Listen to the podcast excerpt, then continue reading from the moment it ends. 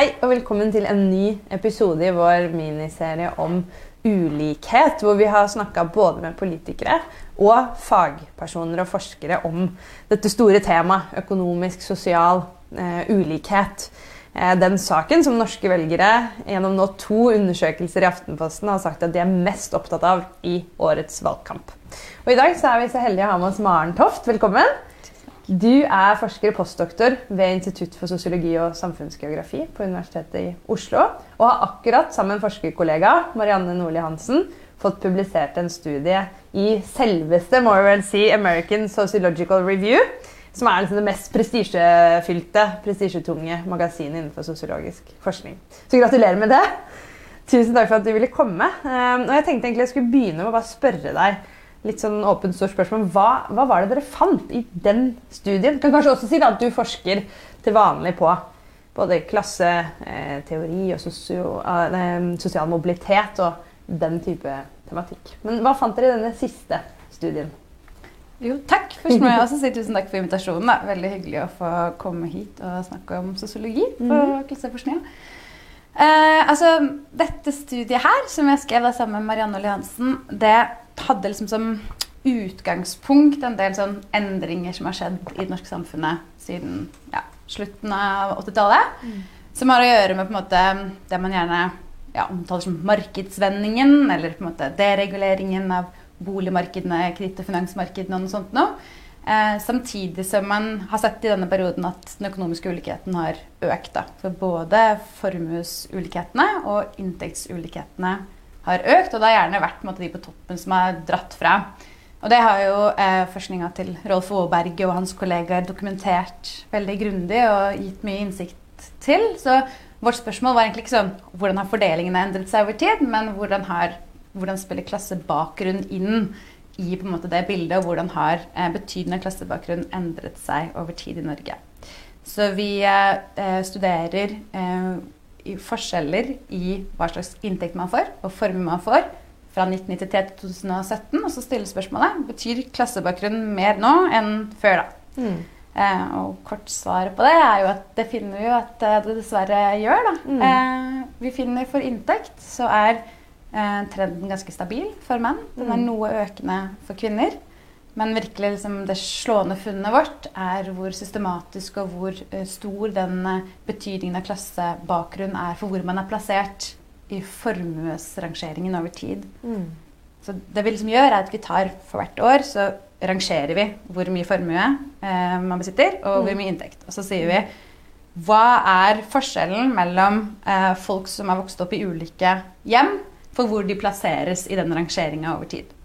Eh, så i 2017, hvis vi sammenligner folk som har vokst opp i den ufaglærte arbeiderklassen, så mm. hatt foreldre som er renholdere eller sjåfør eller eh, har um, yrker i, med ufag, ufaglært arbeid, arbeideryrker, så er Hvis vi sammenligner dem med de som har vokst opp i på en måte topp eh, eh familier med toppstillinger i næringslivet, bedriftsledere, aksjemeglere og direktører og sånn, så finner vi at uh, det er en rundt 30 eh, rangeringspoeng forskjell da, i, mm. i eh, hvor, hvor, de er i bruttoinntekten, nei, bruttoformuen.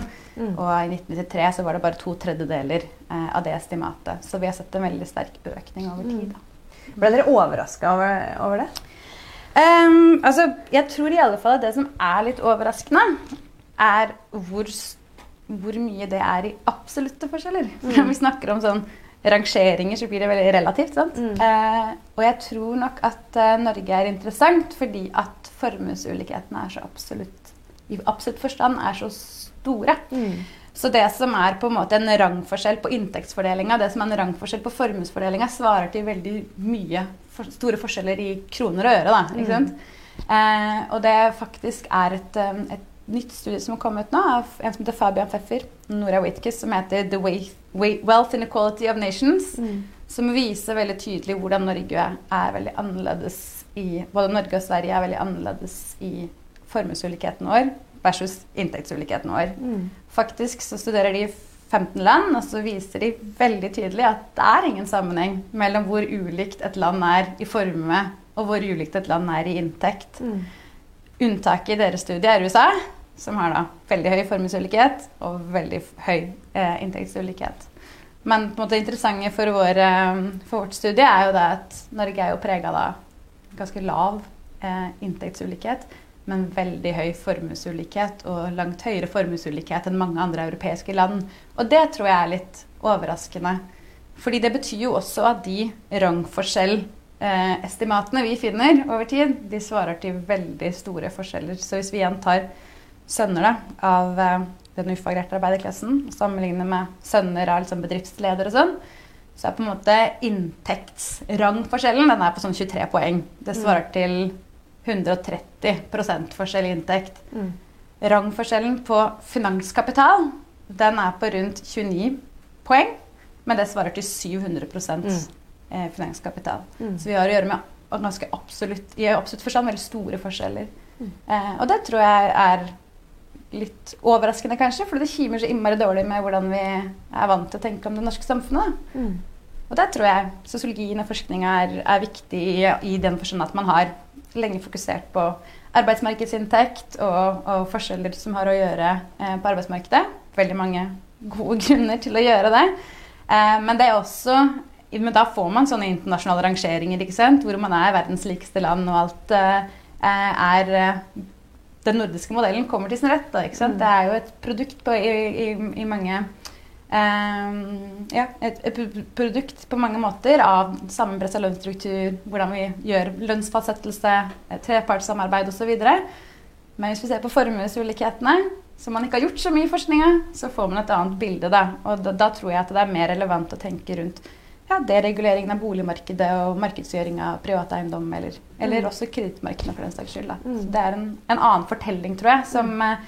på sett og vis står litt på kurs med den gjengse fortellingen vi har om, om Norge som, og Skandinavia for øvrig som et slags sånn likhetssamfunn. Mm. mm. Jeg synes jeg, Både ha fulgt og vært med i debatten om økonomisk og sosial ulikhet, så er jo dette noe av det beste som har kommet ut av den. også At vi har fått en litt breiere forståelse av ulikhetsbegrepet. At vi ser på litt forskjellige ting. Og nettopp sånn som du sier at vi får flere deler av den fortellingen. Um, og at det er stor forskjell. Det tror jeg vi vet mer om nå også, eh, som de fleste som ikke er i den debatten til vanlig, vet at det er, uh, det er flere typer fortellinger. At vi vet mer om uh, ulikhet på flere områder. Så det er veldig uh, spennende. Men jeg tenkte jeg skulle smuglest et sånt intervju som forskning.no gjorde med dere da denne studien deres ble eh, publisert. og De spurte dere rett og slett om, om hva Bourdieu kan si om det norske klassesamfunnet i 2021. Og jeg synes Det var et godt spørsmål, så jeg tenkte jeg skulle gjenta det. Eh, det er ikke så ofte vi har folk som er forskere innenfor sosiologi, så er det veldig fint å kunne benytte anledningen til også å mm. løfte fram eh, Bourdieu. Men har han, ja, er han relevant for å si noe om det norske klassesamfunnet i dag? Ja, altså eh, er, eh, når man driver med klasseforskning, mm. så er det 100 måter man kan forstå det begrepet på. Mm. Og vi sosiologer slår hverandre i hodet Vi har en lang, lang fagtradisjon i å slå hverandre i hodet hvordan man skal begrepsfeste klasse.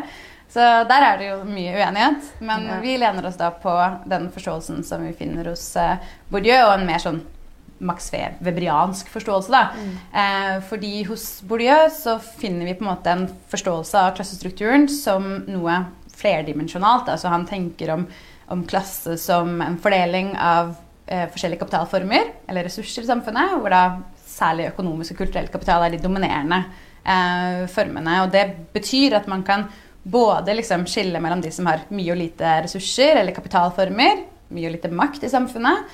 Eh, man kan skille mellom arbeiderklassen, middelklassen eller en overklasse. eller noe sånt nå. Men man kan også skille mellom forskjellige fraksjoner etter hva slags type kapitalform man har. Så vi kan skille mellom en kulturell fraksjon og en økonomisk fraksjon av f.eks.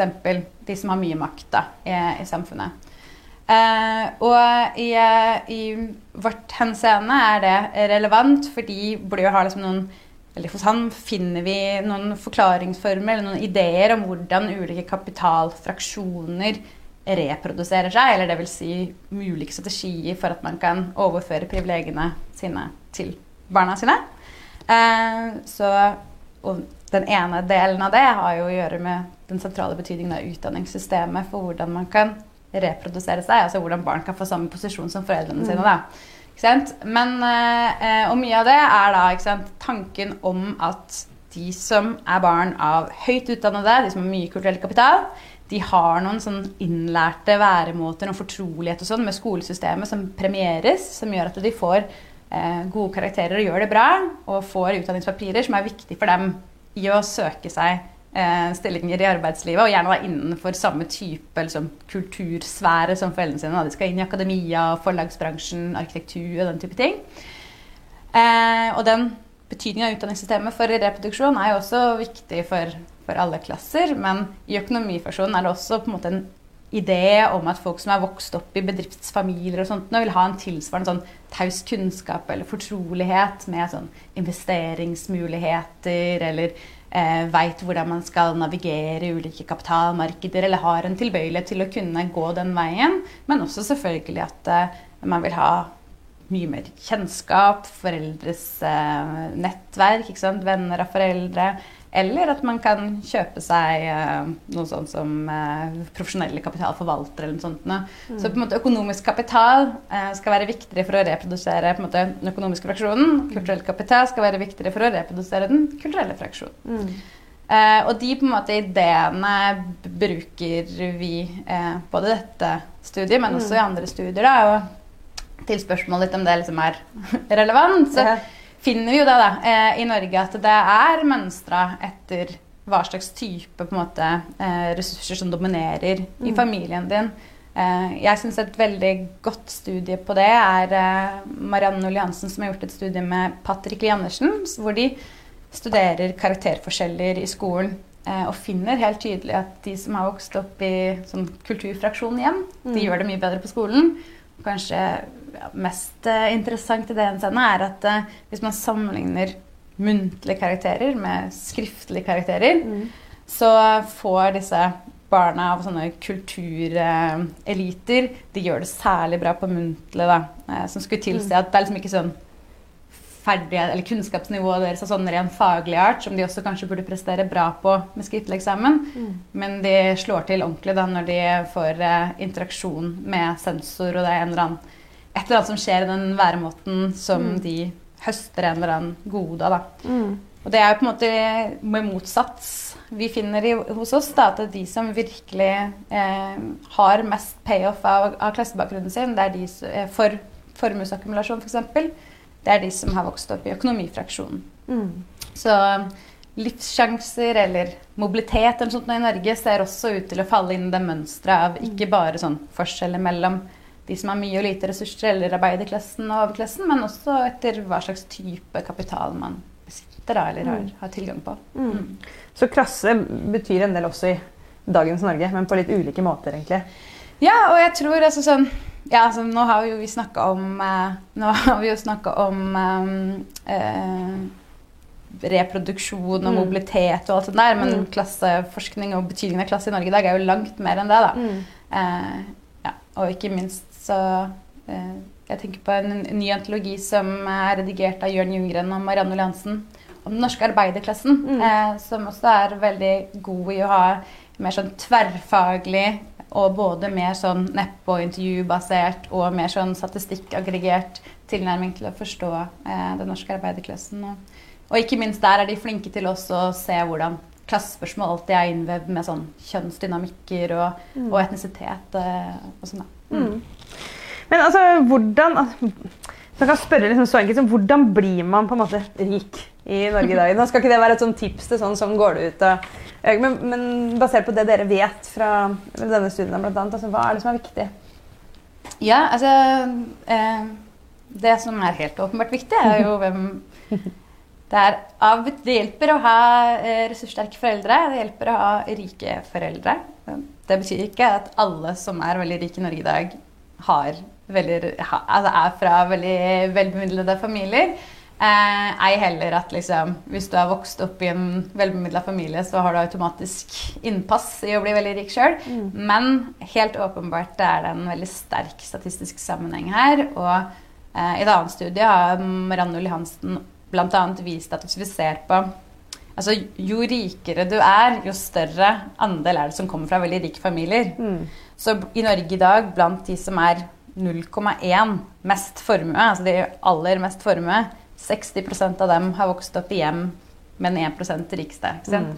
Så det er en veldig stor andel. Og det som et slags sånn proxy for om man er arving, da, har også økt over tid. Så i stadig større grad er de som er rikest, kommer også fra veldig rike familier. Og det er jo klart at noe av det er jo fordi at eh, økonomisk kapital kan jo overføres ganske greit. da. Så der uh, utdanningsstrategier uh, og sånn fordrer at man må bruke veldig lang tid og ta seg kanskje en doktorgrad eller noe sånt for å kunne oppnå samme posisjon som foreldrene sine, så vil på en måte kan man overføre penger til barna sine ved et tassetrykk, og det er heller ikke noe som er, er veldig skattelagt i Norge heller.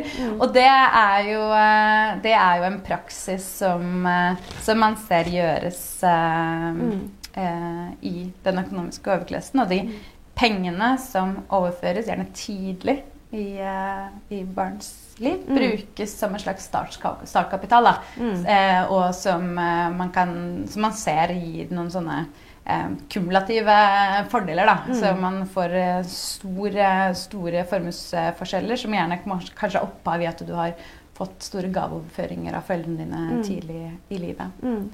Det, er, det er jo interessant, fordi det bildet vi jeg tenker man i hvert fall har hatt litt i Norge om at man har sånn som Petter Stordalen som slo seg opp og begynte med å selge jordbær på torget. Kjell Inge Røkke som solgte reker på kaia. Det er jo noen av de, men veldig mange eh, har fått med seg på en måte en startkapital og begynt eh, der. Men hvor viktig er jeg tenker også dette med nettverk og kjennskap og sånn, som, som, jeg husker gjorde liksom inntrykk på også fra Robert Putnams siste bok, hvor han jeg tror han omtaler det som en sånn savvy gap. At forskjellen Hvis du vokser opp i en familie med lav inntekt, hvor kanskje på en måte energien går til å få endene til å møtes, eh, og hvor man da kan vokse opp og rett og slett ikke få muligheter altså Man får ikke kjennskap til de mulighetene som finnes. Man vet ikke helt hvordan man skal eh, liksom finne ut hvilken utdanning som er lur å ta, hvordan man, man, får det til å gå opp. rett og slett. Så vil jeg jo tenke at i Norge så eh, forhåpentligvis så utjevnes dette mer gjennom måte, et offentlig utdanningssystem. og, og sånn, men, men, hva tenker du om det? Så hvor viktig er den type ting som ikke bare handler om eh, ja, penger eller mer sånn, ja, Dette er kanskje mer sånn kulturell kapital? Ja, mm. jeg, jeg, jeg, tror det er veldig viktig. um, og det er jo også noe av det som er fordelen med å jobbe med begrepsapparatet til Bourdieu. Mm. At uh, det ikke bare handler om de materielle praksisene, men det også handler om en slags som ja, det mer sånn praksisnære, det som faller en spontant, eller det man liksom veit eller har en sånn taus kunnskap om. Da. Eh, og det vil jo absolutt også gjelde innafor altså Næringslivet er jo også på en måte en kultur. Sant? Så mm. selv om vi snakker om kulturell mm. kapital som noe som Så er jo det også eh, helt klart noe man, man lærer seg. Eh, så jeg, jeg, tror eh, det du sier der, er eh, veldig viktig. Vi undersøker jo også eh, Altså Vi undersøker jo også betydningen av utdanningspapirer for formuesakkumulasjon mm. i Norge i dag. Mm. Det betyr veldig lite. Mm. Eh, det betyr noe for å for, for forstå inntektsulikhetene, men det betyr veldig lite for formuesplassering interessant nok så finner vi også at eh, lønnsinntekter, altså inntektsnivå, har også ganske lite betydning for å forklare disse. Mm. Eh, så det er et eller annet i spill, og jeg er helt enig i at eh, trolig er ikke det bare eh, gaveoverføringer. Jeg tror også, eller Det er også en del forskning som eh, understreker betydningen av eh, profesjonell, altså tilgang på profesjonell formuesforvaltning mm. og, og juridisk altså Det som er alt det derre dette apparatet, det profesjonelle tjenesteapparatet rundt som man kan trekke på eller kjøpe tjenester av mm. for å kunne eh, betjene eller generere mer eh, investeringer. Da. Og det, det, er det mange som understreker, men også, men også betydningen av sånn eh, familiebedrifter, og at du kan få aksjeposter på eller sitte i styreverv eller karriere, det som karriereveier. Eller, ja. mm. Så det er um, Ja. Mm. Men hvis vi prøver å oppsummere litt også jeg lurer på, liksom, Det er interessant å høre din oppfatning av dette temaet. Som vi var inne på, så har vi jo nå eh, Det er jo stor debatt om dette temaet. Det er det norske velgere er mest opptatt av. Eh, så det er ikke bare inni den bobla med folk som kanskje jobber mye med det. Eh, folk er opptatt av. Men hvorfor tror du dette liksom, med forskjeller er viktig for folk? Hvorfor tror du det skaper stor debatt? Hva er det med dette som, ja, som setter fyr på debatten? da? Det er det sikkert mange gode grunner eh, Eller det er det jo mange gode grunner til, åpenbart, men det er også sikkert en sammensatt uh, bilde. Men på ett plan så har jo hele ulikhetsforskninga fått denne nivåer, da, ikke sant. Mm. Uh, og det er mye mer kunnskap om uh, fordelingsspørsmål, trender. ikke sant? Jeg tenker på Piketi og det lange bildet. og, og fokus på liksom, de rikeste blant oss og sånn. Eh, om det vekker en form for eh, følelse av urettferdighet eller noe sånt, det skal vi ikke se bort ifra.